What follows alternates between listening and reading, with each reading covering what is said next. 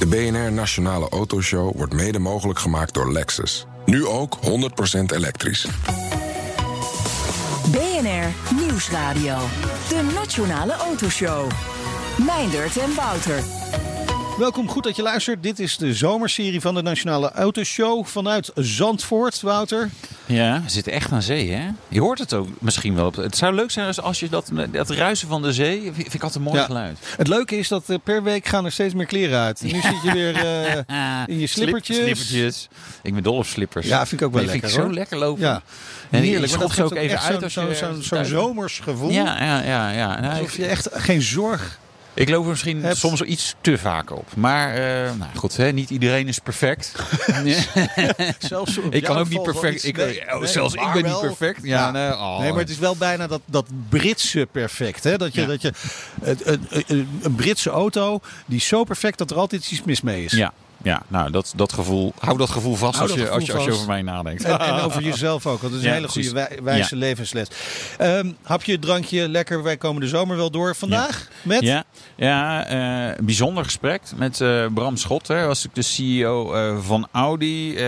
Deden we ook op een bijzondere plek hè, destijds. Nou. Op zijn boot in Amsterdam. Varend door Amsterdam. Het, het weer was nou, ja, misschien wel net zo lekker als nu. In ieder geval lekker iets goede temperatuur. Ja, ja, het waaide wat minder. Dat klopt, ja. Op de Amstel varend. Beetje vriend van de show geworden. Zeker, ja. En, en, en hij hield van de kroketten. Houdt nog steeds van de kroket. Ja, kroketten. Dus eh, Ik kan voor wakker maken. speciaal voor Bram Schot bestellen we nu straks Ja, een kroketje. even een extra kroketje. Wie weet, als hij het hoort, dan kan hij nog eh, snel hier naartoe komen. aanhaken. Tijn Akersloot, strandtent, Zandvoort. Even de hele boulevard afrijden, dan ben je er. En dan eh, staan hier twee heerlijke dampende kroketten voor hem klaar. Ja, en om dit, eerder dit jaar natuurlijk afscheid van Audi. Ja, over dat en nog veel meer. Ook over ontwikkeling in de auto-industrie. Ja, ging hij met ons in gesprek. Ja, en onze eerste vraag was natuurlijk... hoe neem je nou afscheid bij een autoconcern in coronatijd? Eh, nou, het begon eigenlijk eh, midden maart. En dan eh, begin je, je je opvolger in te werken. Daarvoor heb je een heel intensief programma afgesproken. Om ervoor te zorgen dat hij, eh, als hij dan op 1 april het stokje overneemt, eh, van, van alles op de hoogte is. Van alles gaat natuurlijk niet. Het is, is vooral informatieoverdracht. Omdat eh, zo iemand natuurlijk gewoon zijn hele ervaren, professionele man. Dus die zet uiteindelijk zijn eigen accenten. Maar het is belangrijk dat je een eh, gemeenschappelijk vertrekpunt vindt. Zodat hij weet eh, waar het bedrijf staat en waar het vandaan komt. En waar het naartoe moet. Eh, op dat moment is het natuurlijk een strategie die we uitgestippeld hebben. Maar hij zet natuurlijk zijn eigen accenten. Dus daar, daar probeer je in een, in een week of twee heel intensief aan te werken. En we hebben hem heel weinig ademtijd gegeven. Dus hij was, er- nou hij ja, was er klaar Maar voor. ik kan me voorstellen, Duusman heet hij, de, de opvolger, komt van BMW vandaan. Maar ik kan me voorstellen, die, die neemt het dan over van u. Waar ja, u misschien wel het bedrijf weer in de, het goede vaarwater heeft gebracht. En dan komt er opeens zo'n coronacrisis eh, over hem heen. En over ons de hele wereld heen. Ik kan me voorstellen dat hij bijna dagelijks eh, even belt eh, van meneer Schot, Bram, mag hij waarschijnlijk zeggen. Ja. Hoe zou je dit of dat doen? Ehm, ja, maar daar moet, je, daar moet je eigenlijk van wegblijven. Je moet, weet je, je moet, het enige wat je doet is dat je gewoon vertelt hoe, waar het bedrijf staat. En wat, dat je feitenoverdracht hebt. En dan heb je natuurlijk nog een paar dingen waar die mijn mening vraagt. Eh, maar ik weet je, ik, ik ben altijd iets wat ze. Ik heb me altijd afgevraagd, wat zou ik nou fijn vinden van mijn voorganger? En dat is precies ook wat ik heb geprobeerd aan hem te geven. Dus een goed mogelijk voor te bereiden. Ehm, en hij vormt zijn eigen mening, weet je. Dus een hele ervaren rot in het vak. En ik moet je zeggen, corona is iets natuurlijk, dat is verschrikkelijk. Maar de beslissingen die je moet nemen aan, eh, op het moment dat je daar zit, die zijn niet zo, zo complex. Het zijn geen leuke beslissingen. Nee. Eh, maar dat wat je moet doen is redelijk voor de hand liggend. Eh, wa- wat is dat dan? Was dat, welke Ja, beslissing moet je nemen? op het moment dat, dat de vraagkant echt wegblijft. Ja. Ehm, je hebt eh, te maken met eh 50, 55.000 productiemedewerkers. Die, eh, die bijna onmogelijk op anderhalve meter afstand kunnen werken. Ja. Ehm, en je ziet dat, dat in, in, bepaalde regio's eh, ineens eh, 80% minder verkocht wordt. Ja, dan hoef, je, eh, dan hoef je ook niet lang na te denken wat je met je productie moet doen. Zeg maar, je hebt, je hebt natuurlijk een spanningsveld aan de ene kant tussen de veiligheid van je medewerkers en aan de andere kant wat er economisch gebeurt. Dan prevaleert uiteindelijk natuurlijk altijd de veiligheid van je medewerkers. En als je dan, en ik was dagelijks in de, in de productie, En dan zie je gewoon dat je op een bepaald moment ja, dat je die veiligheid misschien niet meer kan garanderen. En dat tegelijkertijd zie je dat in heel veel landen eh, dealerbedrijven sluiten en dat klanten niet meer komen. Dan hoef je ook niet meer voor, voor voorraad te produceren. Nou, en, weet je, die voorraden die waren naar een, een best wel best ingewikkeld 2019. Ja, misschien net over het ideale uh, niveau. Ja, dan moet je natuurlijk vooral oppassen dat als de vraagkant wegblijft, dat je, dat je te veel kapitaal in je voorraden gaat stoppen. Uh, dus ja, dan is er maar één ding, dat is het uh, terugbrengen van je productie. En in dit geval tegen de achtergrond van als je ook uh, de veiligheid van je medewerkers meeneemt en je hebt een wat langer perspectief, dan is er maar één oplossing en dat is het, het, stopzetten van de productie. Ja. Dus, dus die beslissing is op zich niet zo ingewikkeld. Het is alleen niet leuk. Nee. Maar wat daarna volgt, is denk ik wel heel ingewikkeld. Ja, dat is best lastig natuurlijk. Hè? Want je ziet hè, inmiddels, ik weet niet hoe jullie vergaan is. Ik ben niet zo lang meer terug in Nederland. Maar er was natuurlijk geen tv-zender meer waar je een viroloog zag. Die toch nog even een andere mening had. En als die geen andere mening had, dan werd het toch nog een beetje anders geïnterpreteerd. En je kunt natuurlijk op een eilandje zitten en denken... nou, ik zou graag over twee, drie weken met productie weer willen opstarten... want dat is in potentie omzet. Maar op het moment dat een viroloog zegt, nou weet je, dat uh, voorlopig moeten we allemaal binnen blijven, dan komt er ook niemand in een dealerbedrijf. En dan wordt er ook niet verkocht. Dus je moet de discussie bijna achteraan beginnen. Zeg, nou, wanneer normaliseren we weer? Weet je? En dan probeer je terug te rekenen. En dan kun je nog eens gaan nadenken, nou dat zou kunnen betekenen, als ik naar mijn voorraden kijk, dat ik dan en dan weer zou kunnen produceren. Maar dat betekent dan ook weer dat je vier, vijf weken daarvoor uh, duidelijk moet maken hoeveel je wil gaan produceren en van welke toeleverancier je welk onderdeel wil verwachten. Dus dat is een hele ingewikkelde keten. Tegelijkertijd kun je dat allemaal wel willen en achter je bureau bedenken. Maar als in China bijvoorbeeld uh, nog even een fabriek niet open gaat, waarbij je drie vitale onderdelen uh, worden geproduceerd die je voor je motor of je versnellingsbak nodig hebt, dan wordt dat best lastig. Dus, is, dus dat, dat, dat het fabriek stopzetten is een hele eenvoudige beslissing um, en is heel relatief snel gedaan. Daarna weer opbouwen is een hele complexe aangelegenheid. Ja, wat, wat betekent hè? dit de korte termijn gevolgen? Fabrieken sluiten, uh, auto's die niet verkocht worden, uh, niet gekocht worden, die niet geproduceerd worden. Maar op de lange termijn, wat voor impact zou deze coronacrisis kunnen hebben op de auto-industrie? Nou, ik denk grote. Uh, in potentie grote. Hè? Dus ik denk dat het economisch gezien weet je, cash komt onder, onder druk te staan, liquiditeit.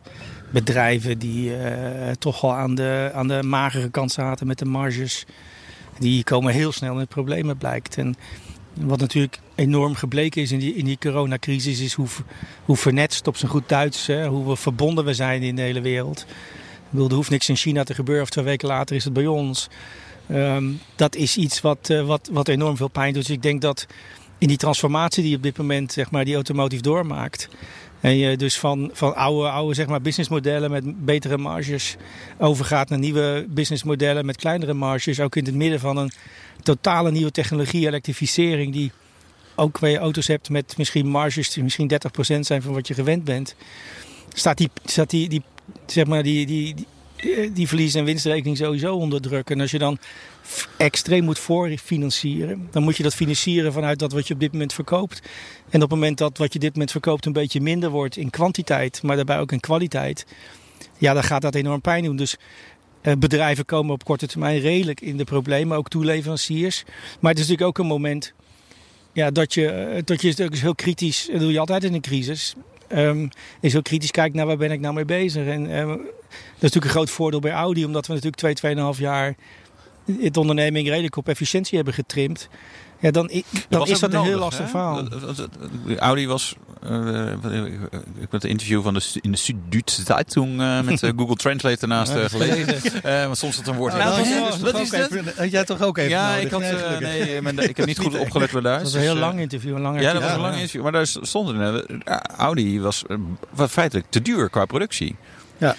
Ja, nou, ja dat vita het vitale woord wat je gebruikt is was. Ja. Dus daar kunnen we heel, met heel veel tevredenheid over terugkijken. Ja. ja op het moment dat je daar zou hebben gezegd is, ja, dan hadden we een ander probleem. Nee, ja. nee we, hebben dat, uh, we hebben dat heel hard aangepakt. Gefixt. Uh, dus dat is goed. Ja. We zijn, lopen daar een beetje voor de muziek uit. Maar dat wil niet zeggen uh, dat het nu allemaal voor elkaar is. Hè. Want je ziet hoe snel ja. de wereld kan veranderen. En ik denk dat er een hele goede basis ligt. Maar uiteindelijk zie je maar weer dat er hoeft maar niks te gebeuren. En dan, dan moet je er weer aan. Maar en wat ik je net al zei, ze hebben, je zegt heeft het heeft een lange termijn effect op de automotive. Ja, omdat je korte termijn misschien economisch, zeg maar, cash-technisch en liquiditeitstechnisch in de problemen komt. Maar ik denk ook dat de vraagkant verandert. Nou, want ik denk dat mensen toch een beetje een pas op de plaats maken. Zich serieus afvragen. Weet je, ik heb minder middelen tot mijn beschikking. Ben ik nog wel bereid voor mobiliteit zoveel uit te geven als ik tot nu toe gedaan heb? Kunnen we ons nog wel veroorloven twee of drie auto's te hebben? Ja. Uh, ja, is dat voor een premiummerk dan uh, moeilijker? Nou ja, je hebt natuurlijk altijd, je hebt natuurlijk altijd een groep mensen die Waar, waarbij het niet zoveel uitmaakt. Maar zelfs, het maakt niet zoveel uit of je, of, je, of je het kapitaal tot je beschikking hebt om die investering te doen. Uiteindelijk vraag je je toch af, ja, ben ik bereid dat, dat er nog voor uit te geven. Je hebt toch, ik denk dat daar toch wel een paar dingen geherijkt gaan worden. mensen stellen hun, eh, hun investeringen uit. We hebben gezien dat ze toch kwetsbaarder zijn dan dat ze misschien oorspronkelijk gedacht hadden. Ik geloof dat we met elkaar toch gedacht hadden dat de bomen de hemel in zouden eh, groeien. We, wisten, we hebben gewoon een, thema met de planeet en het klimaat. Daar werden we zo langzaam maar zeker zeer van bewust.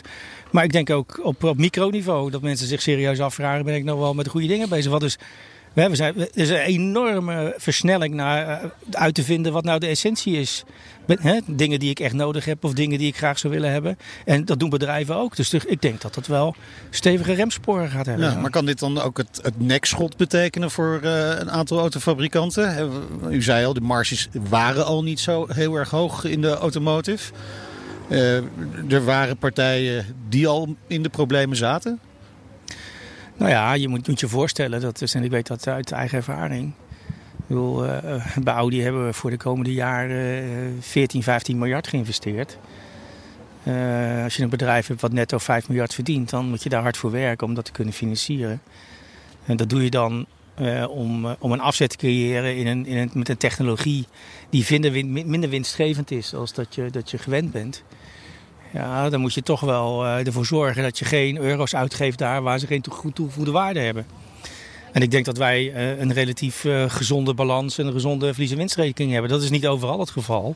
En Audi is natuurlijk een premium merk. Daar zijn klanten bereid om betere marges te betalen. Want je wat meer in het volumesegment zit met dunnere marges. en je praat dan over beschikbare inkomens die nu ook onder druk komen te staan. Bij mobiliteit, en dat heb ik jullie wel eens eerder gezegd in een eerder interview. Weet je, elektrificering betekent 3, 4, 5.000 euro meer prijs voor een auto. Maar als je een diesel- of benzinemotor moet, uh, moet blijven doorontwikkelen om in 2025 uh, milieutechnisch in orde te zijn, praat je ook over investeringen die 3 tot 3.500 euro meer zijn dan dat je nu ziet. Dus dat betekent, uh, neem 4.000, 5.000 euro maal een afzet van 25% plus misschien 70% 3, 3.500 euro meer kosten. Praat je toch gemiddeld over een mobiliteit die 4 tot 5.000 euro, zeg 4.000 euro meer gaat kosten over 5, 6 jaar. Ja. Nou, en, en we hebben het net gehad over dat het uh, beschikbare inkomen onder druk komt te staan. En dat er een nieuwe generatie aankomt die niet meer bereid is om alles uit te geven aan mobiliteit. Nou, ja, dat, uh, dat wordt een heel uh, interessant spanningsveld. interessante zijsprong daarbij is, is misschien wellicht wat ik wel van andere mensen heb gehoord van ja, maar in het openbaar vervoer ga je ook niet meer zo, zo snel zitten nu met coronavirus. Dus, nou ja, is, er komt misschien ook wel weer een meer vraag vanuit mensen die nu denken van nou ja, ik pak de metro of de bus of de trein. En, ja, maar dat is, een, dat is een korte termijn verhaal. Ik bedoel, ik denk dat we nu we hebben gisteren, uh, denk ik, uh, de, de, persconferentie gezien van Rutte. Waar geloof ik 7,5 miljoen mensen naar gekeken hebben. Ja.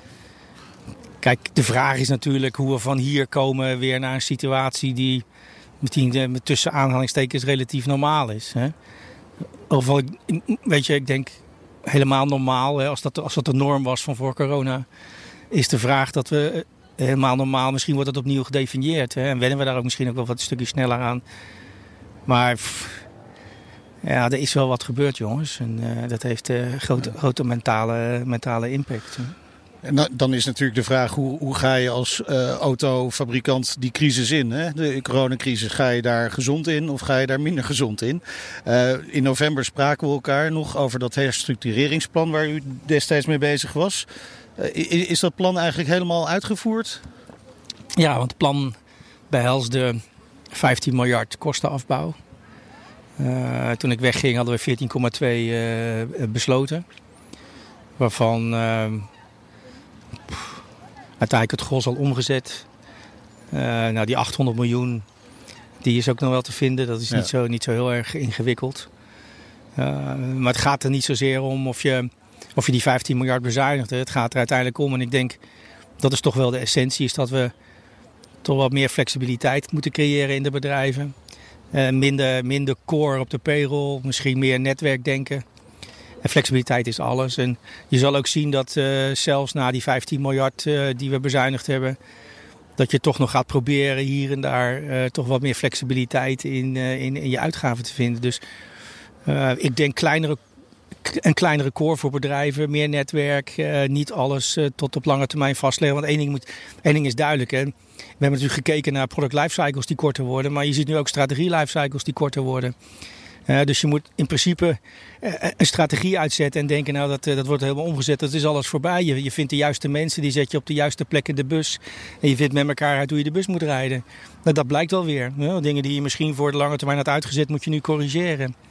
Ja. Uh, ik, ik, weet, uh, ik, ik, heb een, be een, beetje achtergrond ook in de strategie en zo. Ik weet wel, een van de, van de dingen was Shell bijvoorbeeld in de jaren 80 al scenario's maakt van als de olieprijs 10 dollar wordt of 100 dollar mm. per, uh, voor, per barrel. Is, is, is zo'n soort denken ook in automotive gewoon zo van joh, er zit een, zit een hè, zeg maar, wat is het gitzwarte scenario en wat, wat, is, hè, wat, wat zijn de, ja, de mooie sprookjesscenario's waarbij alles wel doorgroeit.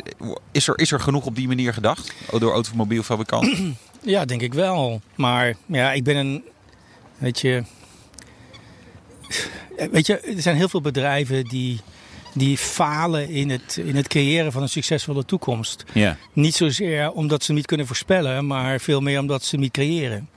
Weet je, dus, dus je ziet heel veel mensen die plannen en honderdduizend scenario's hebben.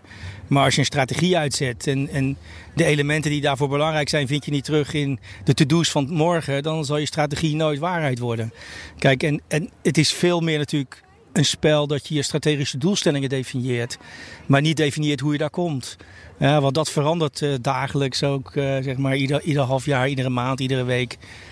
Nee, ik denk, uh, ik ben, uh, je, kunt, je kunt er wel kijken als je kijkt ook naar de concurrenten BMW, Mercedes-Benz, Audi. Praat over een heel hoog kwalitatief niveau.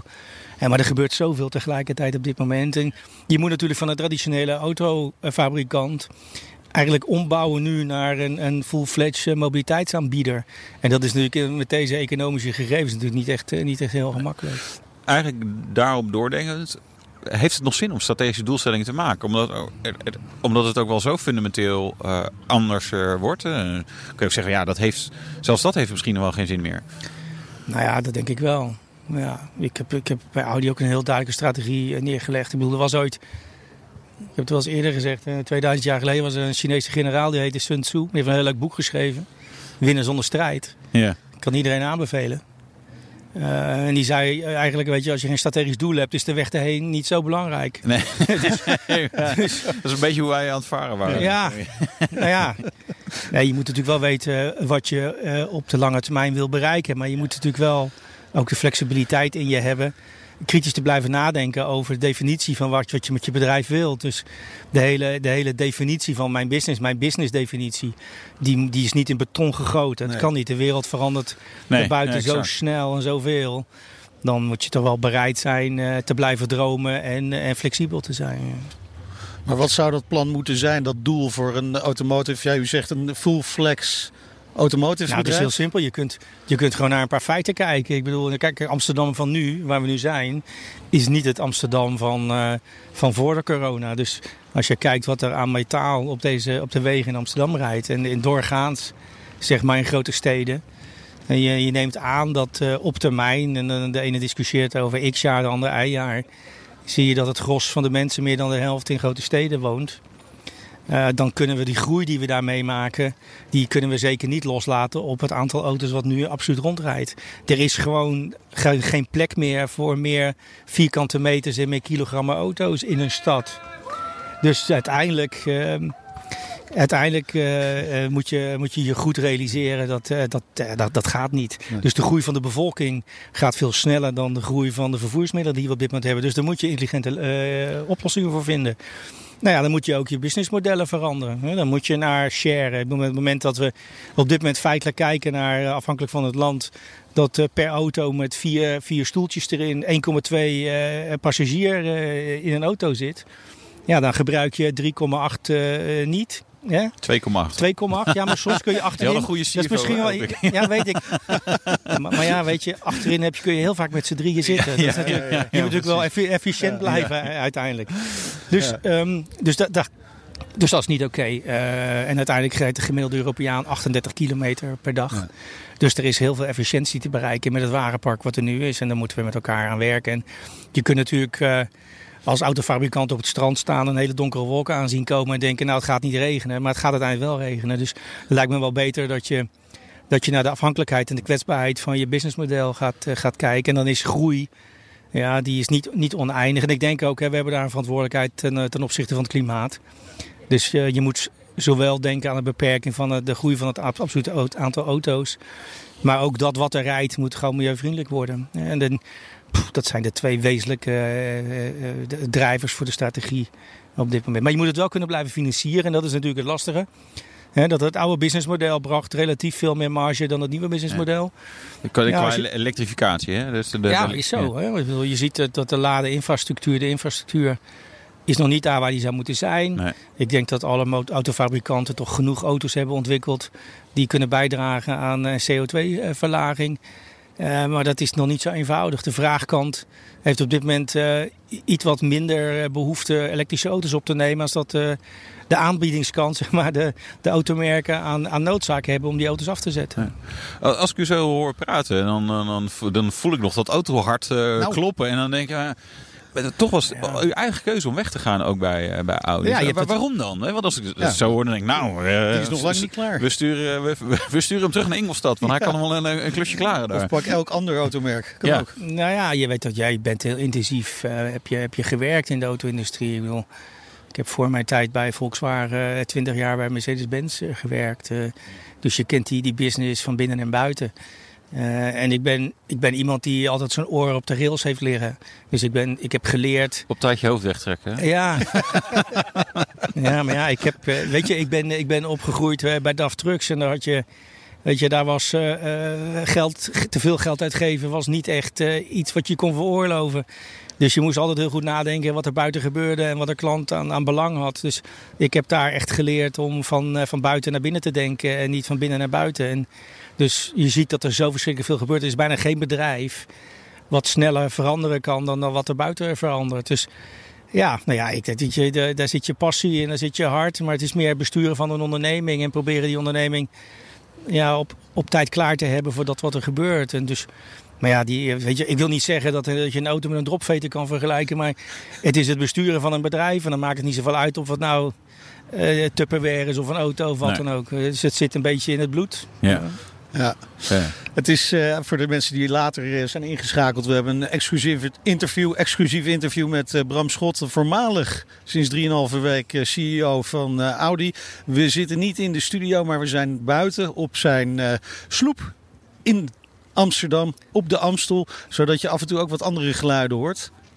Normaal zou dit niet kunnen door de week. Op een woensdag dan is het veel te druk. Maar het is nu hartstikke rustig. Af en toe hoor je wat mensen schreeuwen. Een mailtje hoor je. Maar we gaan straks praten. Want uh, Bram Schot heeft behoorlijk wat veranderingen moeten doorvoeren. de uh, afgelopen twee jaar bij uh, Audi. En dat is misschien nog niet zo makkelijk bij een Duitse partij. Hij begint al te lachen. Volgens mij wordt dat een mooi verhaal, uh, Wouter. Ja, uh, daar gaan we het dan zo over hebben. En ook over, ja, toch nog even doorpraten over de toekomst van de auto, mobiliteit. Uh, wordt het toch autonoom en elektrisch, waterstof? Nou ja, wat, wat gaat er volgens hem veranderen? Je hoort het zo meteen. BNR Nieuwsradio. De Nationale Autoshow. Meindert en Wouter. Het roer moest om bij Audi en dat gebeurde onder leiding van Bram Schot, die 1 april, ja het was geen grap, afscheid heeft genomen van dat uh, bedrijf. Ja, zijn doel was om uh, Audi klaar te stomen voor de toekomst. Maar hoe ziet die toekomst eruit? Dat bespreken we zo. U wordt gezien, uh, Bram Schot, als puinruimer toen Audi verstrikt raakte in het dieselschandaal. Hè. Er moest een ander uh, gezicht komen bij Audi. Uh, trouwens, het uh, uitzicht op dit moment is werkelijk weergeloos, Wouter. We zitten op de Amstel. In een prachtige sloep. Ja, even niet in de studio, maar uh, buiten. In het zonnetje. Uh, in het zonnetje, ja. Keurig dus, op anderhalve meter van elkaar, hè, ja. volgens de richtlijnen van de, het RIVM. Hoe moeilijk dat soms ook is. Hè, we zouden elkaar graag even een hand geven of een knuffel. Maar dat gaat helaas niet. Hè? Deze week knuffelen even niet mee. Even niet, even de komende tijd niet. Ik heb geen probleem om jullie virtueel te knuffelen. die die wake-up call voor, uh, voor Audi hè, met het Dieselgate-schandaal. Was, was dat achteraf gezien ook wel noodzakelijk om, om verandering in te kunnen zetten? Nou ja, weet je, iedereen leert uh, dat je niet van een crisis afhankelijk moet zijn om je bedrijf te veranderen. Maar als er dan een crisis is, moet je hem gebruiken. Yeah. Dus, never waste a good crisis. Dus... Nee, is zo. Weet je, diesel had nooit moeten gebeuren. Maar als het dan gebeurt, was het misschien in dit geval in de tijd gezien een, een geluk bij een ongeluk. Omdat je natuurlijk eerder dan de, de, feitelijke transformatie die noodzakelijk was in de auto-industrie begint om je bedrijf echt uh, weer opnieuw te trimmen. En uh, jullie zeiden in de inleiding, weet je, puinruimen. Ja, ik, ik weet niet of het, of het puin was. Maar er lag stof en er lagen spullen op waar ze niet zouden moeten liggen. Dus, uh, want het bedrijf bracht nog steeds 4,5 tot 5 miljard netto winst.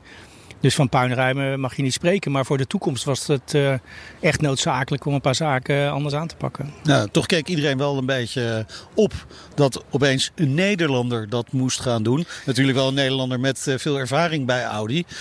Maar, maar, is er een verschil tussen hoe een Duitser zo'n crisis aanpakt en een Nederlander? Of was het meer omdat u gewoon niet besmet was met dat dieselschandaal? Ik denk dat de Raad van Commissarissen meer gekeken heeft naar de inhoud van mijn cv als naar mijn paspoort. Maar ja, Nederlanders zijn wel wat onorthodoxer. En, uh, en dat was misschien wel nodig. Maar dat was zeker nodig, ja. Maar... Waarom was dat nodig? Want aan de ene kant dieselschandaal, aan de andere kant, nou ja, er werd toch nog 4, 4,5 miljard per jaar verdiend. Dus ja, je, eigenlijk was er vanaf de buitenkant gezien, ging het eigenlijk wel prima bij Audi. Ja, dat dieselschandaal was even vervelend. Om het even, even te bagatelliseren, zeg maar. Bedrijven die op een schaal van 0 tot 10 een 8 scoren, uh, daar, daar, is het grootste gevaar dat uh, goed zijn echt... Uh, het grote probleem is om beter te worden. Ja. Snap je? Dus soms is het beter, uh, misschien uh, logischer om een 5 en een 6 te scoren. Want dan ziet iedereen dat het anders en beter moet. Die stap van een 8 naar een 10 te maken, daar, daar, is nogal wat voor nodig. Dan moet je er wel aardig wat zelfreflectie hebben. Nu ja, er moest zeker wat gebeuren. Ik bedoel, Nederlanders zijn over het algemeen gewend om met verschillende culturen om te gaan. Zijn wat, zijn wat directer, hebben wat minder met hiërarchie.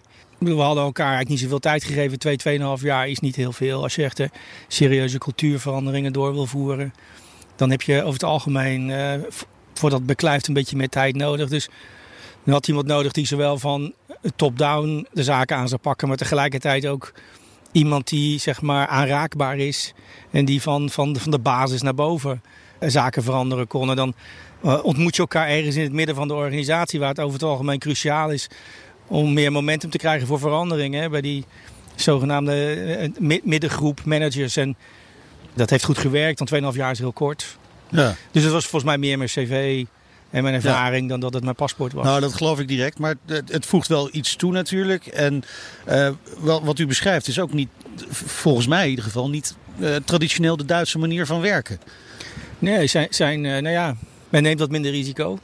En heeft daardoor ook wat minder negatieve uitslagen. Dus, hè, dus dat ja. is dus één. Maar je mist misschien soms wel een, uh, een mooie, als je met je surfplank op strand staat, een, een, golf die een hele grote golf ja. zou kunnen worden. Omdat je wat minder risico neemt. En daarom is het ook van belang, denk ik, om in grote organisaties gewoon een diversiteit aan verschillende uh, mentaliteiten te hebben. Dus aan de ene kant mensen die je waarschuwen om niet te veel risico te nemen. Aan de andere ja. kant ook mensen die potentiële zien en zeggen, luister, daar moeten we, dat we mee aan de slag. En als je een uh, traditioneel Duitse directie hebt dan is diversiteit heel belangrijk. Van top-down uh, natuurlijk. Hè? Mijn manier van werken is niet, weet je, in, in tijden zoals nu, 2020, met zo'n dingen die ze wil veranderen. Dan kun je een onderneming niet meer via organisatiestructuur leiden. Met al die kastjes en die boxjes die uh, solid en dotted lines hebben. Weet je, dan bent een dode opgeschreven, dan ben je altijd te laat. Dus je moet in de manier van sturen van een onderneming, moet je die onderneming plat maken. Ja, niet volgens de structuur. Weet je, je moet die business sturen en niet, het, niet de organisatiestructuur. Nee. Dus je bent meer, veel meer procesgeoriënteerd, veel meer horizontaal georiënteerd als verticaal. En daar met mijn achtergrond en ik denk ook ook een beetje typisch Nederlandse achtergrond past dat. Uh, past dat omdat ja. als je succesvol wil zijn, moet je snel zijn. Snel betekent eenvoudige processen. En eenvoudige processen worden gemaakt met mensen met zelfvertrouwen. En middelmatigheid creëert complexiteit. En dus, dus je moet wel een manier van, van, van het runnen van een bedrijf hebben.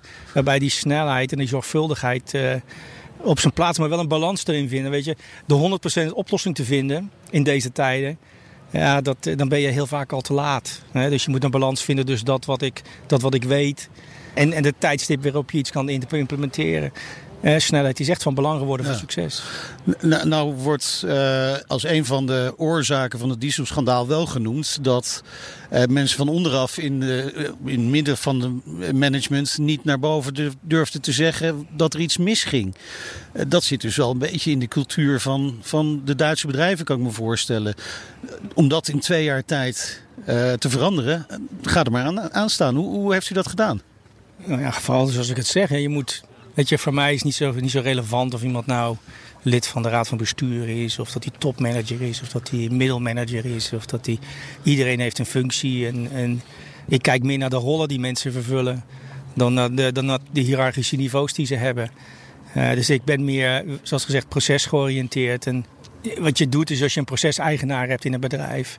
En die denkt horizontaal een proces door een heel bedrijf door heb je misschien zes, zeven, acht verschillende business units die een, een, deel, een deelverantwoordelijkheidje hebben in dat proces. En op het moment dat dan een lijnmanager een probleem heeft dan, uh, en, en, en vindt dat die dingen anders zouden moeten worden opgelost, dan prevaleert in mijn denken altijd de proceseigenaar. Dus daarmee maak je een, een organisatie horizontaal in plaats van verticaal. En daardoor creëer je snelheid. En, en op het moment dat je heel duidelijk maakt waar je naartoe wil. En je, en je zorgt ervoor dat je ook echt serieus delegeert. En de mensen op andere niveaus empowert om beslissingen te nemen. Dan gaat dat vanzelf. Ja, is dat lastig? Ja. Want heel veel mensen willen vaak meer beslissen. Maar op het moment dat je dan zegt bij die beslissing hoort dan ook verantwoordelijkheid. Ah ja. Dan zie je ze ineens een beetje schuchter worden. Maar ja, in, de, in, in deze tijd met zoveel veranderingen is, is snelheid uh, van wezenlijk belang. Dus je moet ook niet meer in die machinekamer boven alles willen beslissen en ook alles, alles willen weten. Dus, dus meer dan ooit is het de juiste mensen op de juiste plek hebben. Vertrouwen dat mensen de juiste beslissingen nemen. En je kunt alleen maar juiste beslissingen nemen als je als directie, en daar ben je natuurlijk voor, ook richting geeft. En je duidelijk aangeeft waar je over vijf of zes jaar zou willen staan. Want als die visie niet duidelijk is, dan kunnen op de niveaus 2, 3 daaronder niemand een beslissing nemen waarbij ze denken, ja, als ik dit nou doe, ja, dan voegt dat iets toe aan het realiseren van onze lange termijn doelstellingen. Op het moment dat die visie en die strategie niet duidelijk is, dan is het onmogelijk om momentum in een organisatie te krijgen. Dus er ligt een mega verantwoordelijkheid voor een directie om de visie en, en, strategie duidelijk te maken. Zodat je ook dieper in de organisatie beslissingen kunt laten nemen. En weet je, er worden fouten gemaakt. Je moet ook een, ook een cultuur creëren waarbij ook fouten geoorloofd zijn. Dan natuurlijk niet 17 keer hetzelfde dingetje. Maar ja, mensen moeten wel, wel een balans vinden daar. Je, je moet wel de dingen uitproberen. En de 100% oplossing vinden en dan te denken, ik, ik ga op tijd implementeren. Nee, dat kun je vergeten. Vertrouwen en zelfvertrouwen hoor ik veel terug. Dus dat is wel een, uh, ja. zou, zou bijna zeggen, de, de, de coach Bram Schot coacht zijn werknemers. Nou ja, je hebt, uh... Weet je, je hebt, je hebt in deze tijden een collectieve intelligentie nodig van je bedrijf. En als je, als, je, als je iedere keer, ik zeg het voor de zoveelste keer, die, die organisatiestructuurladder met zijn kastjes en, en zijn boxjes en zijn, en zijn solid en dotted lijntjes moet gaan bewandelen, dan ben je ten dode opgeschreven. Dat, dat, dat gaat niet werken. Dus je moet een soort je moet werkelijk een, een, een momentum voor veranderingen en voor beslissingen moet je dieper in je organisatie krijgen. Ja. Eh, eh, zeker nu. Hè. We hebben het natuurlijk al over de, ook over de automarkt wel gehad. Hè. Dus die, die, die staan, uh, nou ja, net als veel andere bedrijven natuurlijk voor een punt uh, dat heel ingewikkeld is. Um, ja. voor, voor welke keuzes staan die fabrikanten? Waar moeten ze nu op, wat, wat moeten ze gaan doen? Ik ben niet beroemd voor mijn danskwaliteiten. Je kan zeker niet meer op iedere bruiloft dansen. Nee. Dat, uh, dus dus met, met de druk op, op cash en liquiditeit voor de langere termijn en uh, voor zeg maar verdampende marges kun je niet iedere technologie omarmen. Nee, maar ook niet dus, alle modellen meer eh, ontwikkelen. Want nou, ook niet alle modellen, maar vooral niet alle, alle technologieën. Dus nee. hè, ik hoor heel veel mensen praten over, over brandstofcel en over hybride en over uh, volle elektrische auto's en over autonoom rijden. Het is nogal een uh, fruitmand. Nou, er is gewoon niet genoeg geld voor om die hele fruitmand te financieren. Dus je moet daar fundamentele keuzes maken. En wat het lastige natuurlijk is, is dat je hebt verschillende regio's met verschillende wetgeving. In China wordt iets anders verlangd, op een andere snelheid, op een ander tijdstip dan in de Verenigde Staten. Zelfs in Europa hebben we natuurlijk één wetgeving voor CO2. Ja. Uh, weet je, verschillende regio's, zoals gezegd, verschillende wetgeving, verschillende snelheden. Ja, dat, dat, dat, kun je niet meer, dat kun je niet meer behappen. Dus je moet fundamentele keuzes gaan maken. De Ja. vraag is dan, welke keuze? Autonoom rijden, daar hebben wij het volgens mij ooit eens met elkaar over gehad. Ik geloof dat ik zelfs gezegd heb, kan goed zijn dat eh, het autonoom rijden op termijn, als je er even geen datum aan hangt, misschien wel fundamenteler is voor de, de PNL van, van autobedrijven dan misschien de elektrificering. Ja. Nou, je ziet toch dat dat, dat autonoom rijden hè, op, op level 5, hè, zoals de experts zeggen. Dus ja, dat je echt niks hoeft te doen. Je niks gaat hoeft te liggen, doen. Je stapt maar. in en Ja. je zegt tegen, tegen je meneer of je mevrouw, eh, die, de stem in de auto van eh, de kinderen moeten naar school en ik Ja. moet, eh, ik moet dan naar, eh, eh, naar die en die vergadering. Nou, ik denk dat dat een beetje afgekoeld is. Hè? Ja, in de is- huidige situatie zou het misschien net kunnen, hè? met eh, de lege straten tijdens corona. Ja, maar ik denk dat we dat, eh, dat, we dat eh, denk ik toch een beetje overschat hebben. Ja. Je ziet ook dat de investeringen daarvoor enorm zijn. Hè? Dus je hebt vijf levels van autonoom rijden. Hè? 1 tot en met, eh, met 5. Wat je op dit moment ziet, hè, dat is op het moment dat je op een grote op, op, op de Rijksweg heet dat in Nederland rijdt. En je wil je handen van de stuur hebben. En je wil uiteindelijk zeg maar, de controle aan je auto zelf overgeven.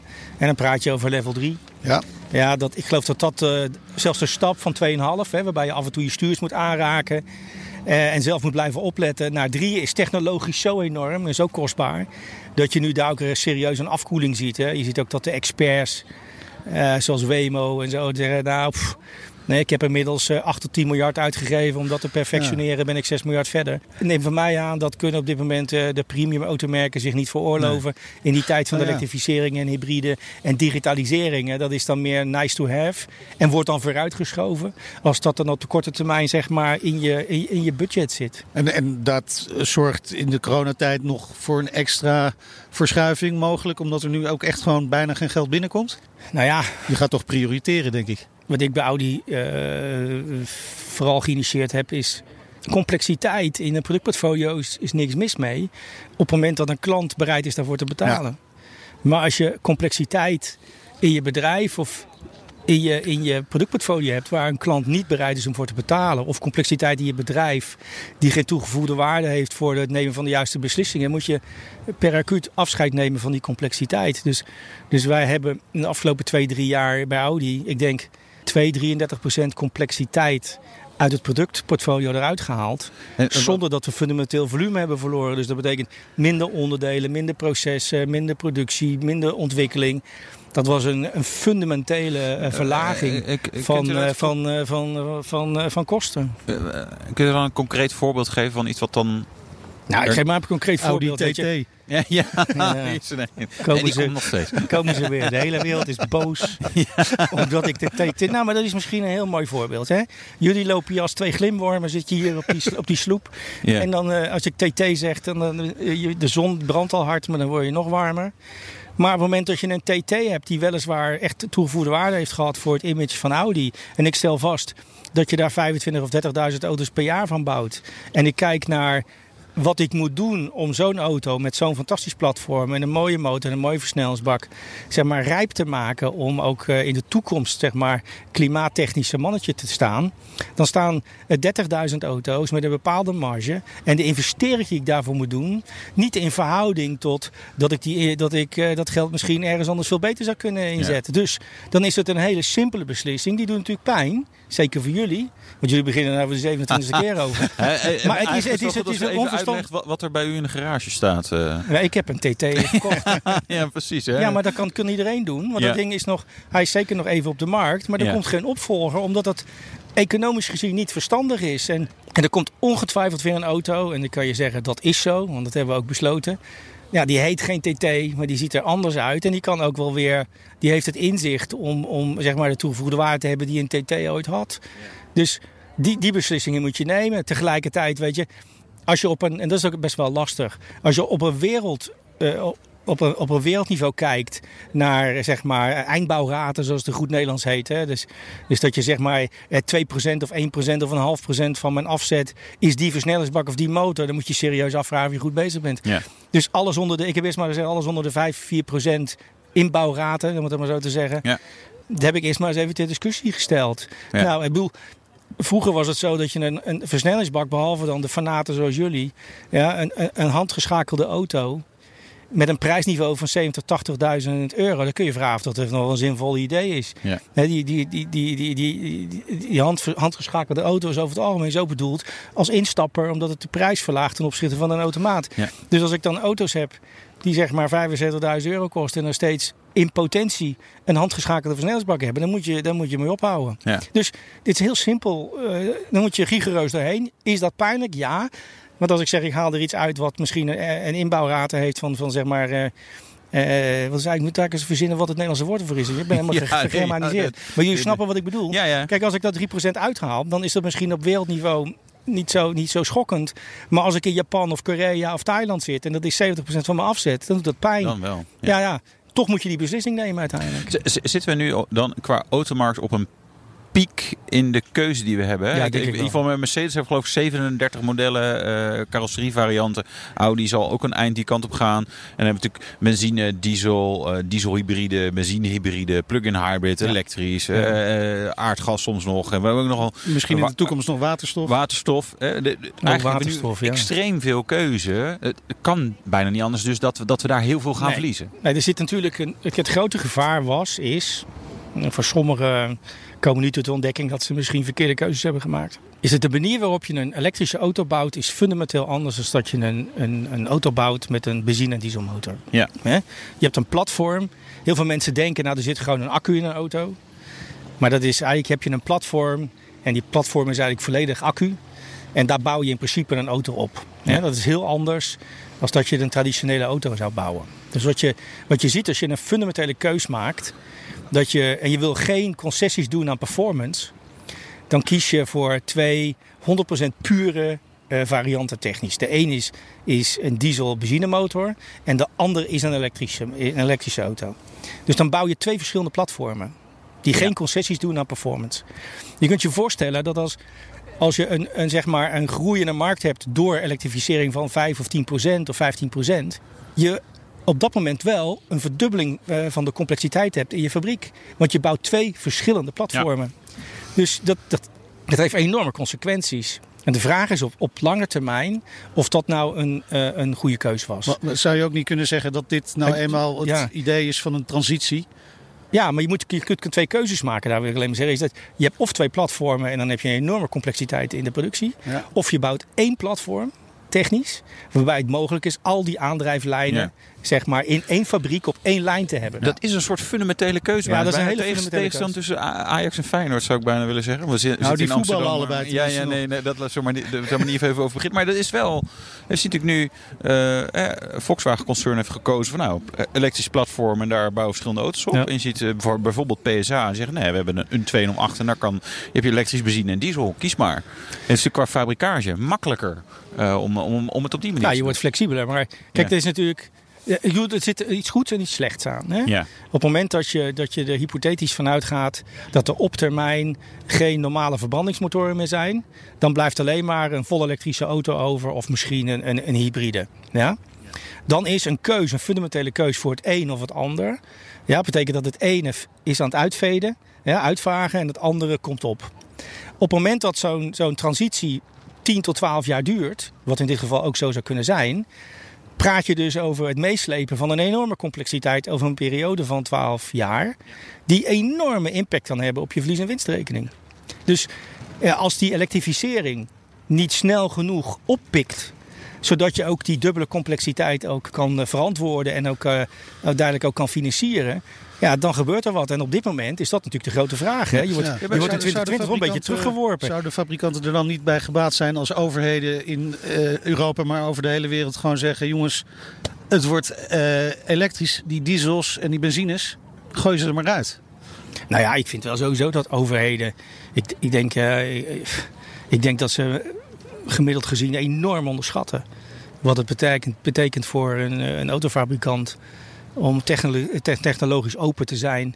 En eventjes eh, terwijl je aan het. eh, ja, terwijl je aan het, aan, het, aan het hard rennen bent, ook nog eventjes je schoenen moet strikken. Dat is niet zo heel makkelijk. En dat heeft een enorme impact volgens mij. En ehm, op het moment dat je de investeringen die je doet voor volle elektrische auto's. Dat is, dat is enorm voor een autofabrikant. Dus ik ben van mening dat als je nu in Europa ziet dat in, in bepaalde landen ook een belastingverlichting plaatsvindt en subsidies zeg maar, op hybride auto's. Ja, dat kan ten laste gaan van de afzet van volle elektrische auto's. Ik vind dat daar overheden veel fundamentelere keuzes moeten maken. Hè. Als je 38 kilometer eh, per dag gemiddeld rijdt. En je hebt op dit moment hybride eh, auto's die 60, 70 km per uur elektrisch kunnen rijden. Ja, dan zou je misschien de vraag op kunnen werpen waarom je nog vol elektrisch moet rijden. En waarom moet dan een, een overheid een hybride auto gaan, gaan, uh, gaan, gaan, gaan subsidiëren? Begrijp ik eigenlijk niet zo goed. Want je subsidieert in principe de mogelijkheid om elektrisch te rijden. Maar bewijzen dat hij elektrisch gereden heeft, kan hij niet. Dus, dus ik vind dat daar fundamentele keuzes in moeten gemaakt worden. En het zou natuurlijk een drama zijn als, eh, als, als door de subsidie van hybride auto's eh, de, de, volle elektrische afzet onder druk komt te staan en daarmee de autofabrikant. Nou, we hebben het natuurlijk over het feit dat uh, autofabrikanten het hartstikke moeilijk hebben. Marges waren al niet groot natuurlijk van de verkoop van auto's. Daarop komt nu die coronacrisis. Ondertussen hangt er uh, veel fabrikanten ook uh, flinke boetes boven het hoofd vanuit Europa. Hè, als ze niet genoeg elektrische auto's verkopen, dan kunnen ze een CO2-boete krijgen. Ik, ik, wilde bijna schertsend zeggen, maar geen probleem. Want er staan allerlei nieuwe hybride en plug-in hybrides en elektrische auto's. Uh, zeg maar, het trefwoord was altijd, ja, dat komt dan in de zomer, na de zomer, eind van het jaar. Ja. Maar komen ze nog? Je hebt twee dingen. Kijk, op het moment dat mensen hun investeringen uitstellen, dan uh, stellen ze in principe ook uh, het potentieel uit om van oude naar nieuwe technologie te gaan. op het moment dat jij bereid was in april of mei uh, je, je diesel- of benzinemotor in te leveren voor een volle elektrische auto, dan stel je dat uit. Uh, niet dat je daar een andere idee bij hebt gekregen, maar dat verschuift zeker naar later in het jaar. Als je mensen hebt die die bewuste keuze hebben gemaakt. Tegelijkertijd weet ik dat zowel Audi, BMW als Mercedes-Benz meer dan voldoende auto's hebben ontwikkeld om die C2-normen ook te halen. Alleen uh, sinds, sinds maart kun je niet overal meer terecht om te homologeren, om uh, auto's toe te laten. Dus de type goedkeuring? Ja, type goedkeuring, dat soort dingen. Je kunt je voorstellen, dat is een enorme complexe operatie. En, en daar zijn fabrikanten niet zes maanden van tevoren mee klaar. Dus dat verschuift ook nog. Dus dat betekent dat ze minder, dat ze in potentie wel alles, alles klaar hebben. Nog niet volledig administratief gehomologeerd. Betekent dat het later in de markt komt. En dat opgeteld bij het feit dat je wat uitgestelde zeg maar, uh, investeringen hebt, maakt dat het, dat het een verrassing zal zijn, denk ik. Ja, als, als iedereen uh, maar fluitend zijn CO2-waarde haalt. En dus dat gaat, uh, ja, dat gaat een heel, heel uh, moeilijk tweede half jaar worden. Ja, maar kunnen ze zich dat veroorloven dan?